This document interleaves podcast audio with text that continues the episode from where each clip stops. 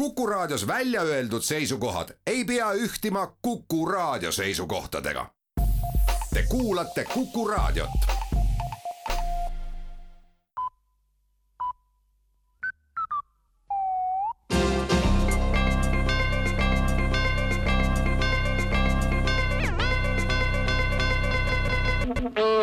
tere uudistestuudios mikrofoni juures Rohke Develak valitsus annab teada, et on otsustanud kõik riigireservid kanda riigieelarvesse ja seda uuel meetodil, mis jätaks ka võimaluse igal ajahetkel neid summasid ka riigireservis näha arendades edasi pankadevahelisi reaalajas toimuvaid arveldusi, on valmis saanud nimelt infotehnoloogiline lahendus, mis võimaldab kanda reservid eelarvesse koheselt jälle tagasi.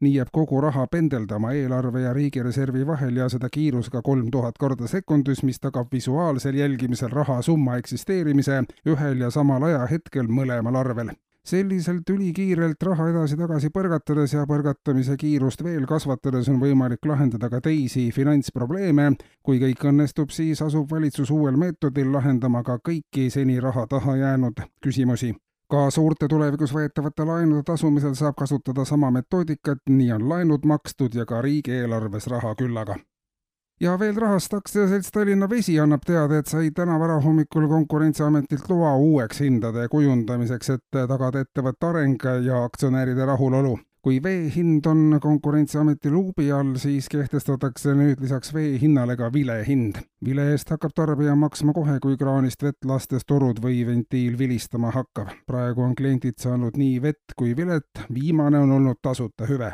vilemõõtjad paigaldatakse lähema kuu jooksul kõikidele tarbijatele ja need on kaugloetavad. vee pealt teenib Tallinna Vesi tulevikus kaks kolmandikku kasumist, ülejäänu jääb prognoositult juba vilearvele ja tagasi valitsuse töömaile. valitsuses oli eile töölaual ülevaade rahvastiku vananemise protsessi kiiruse kohta ja see on pannud valitsuse tööle, valminud on ka vastav tegevuskava ja moodustatud mitu komisjoni ja töörühma. jõutud on ka lahendusteni, kui arvesse võtta, et keskmine eluiga kogu aeg tõuseb, siis saavutab Eesti peagi taseme, mis võimaldab kogu riigil ühe korraga pensionile minna Eestist saaks aastal kaks tuhat viiskümmend Euroopa Liidu esimene pensionärriik ja peagi võivad alata läbirääkimised üldrahvaliku pensioni suuruse üle, mida maksaksid meile Euroliidu teised riigid. eestlased on rahvana tulnud läbi lugematute aastasadade ja arvestades arenguid, on selge, et eestlased tahavad nüüd lõpuks ometi pensionile jääda ja neil on selleks ka täielik õigus, lisab valitsus kuna täpselt kõik eestlased pidulikult pensionile saadetakse, on siiski veel lahtine ja selgub täpsemate järeluuringute teel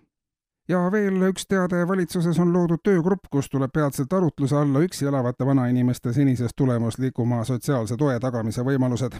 üheks selliseks võimaluseks on inimese staatuse tõstmine koduloomaga samale tasemele. koduloomade heaolu eest hoolitsevad mitmed seadused, määrused, regulatsioonid, inimestele sellised hüved veel ei kehti kui vana inimene oleks aga võrdsustatud koduloomaga, siis avaneks ka loomakaitsjatel ja varjupaikadel võimalus oma hoolt ja tähelepanu senisest laiemas sfääris rakendada ja riik saaks siin vajalikku aega tegelemaks probleemi lahenduste leidmisega, märgitakse töögrupi esimeses raportis. kuulsite uudiseid.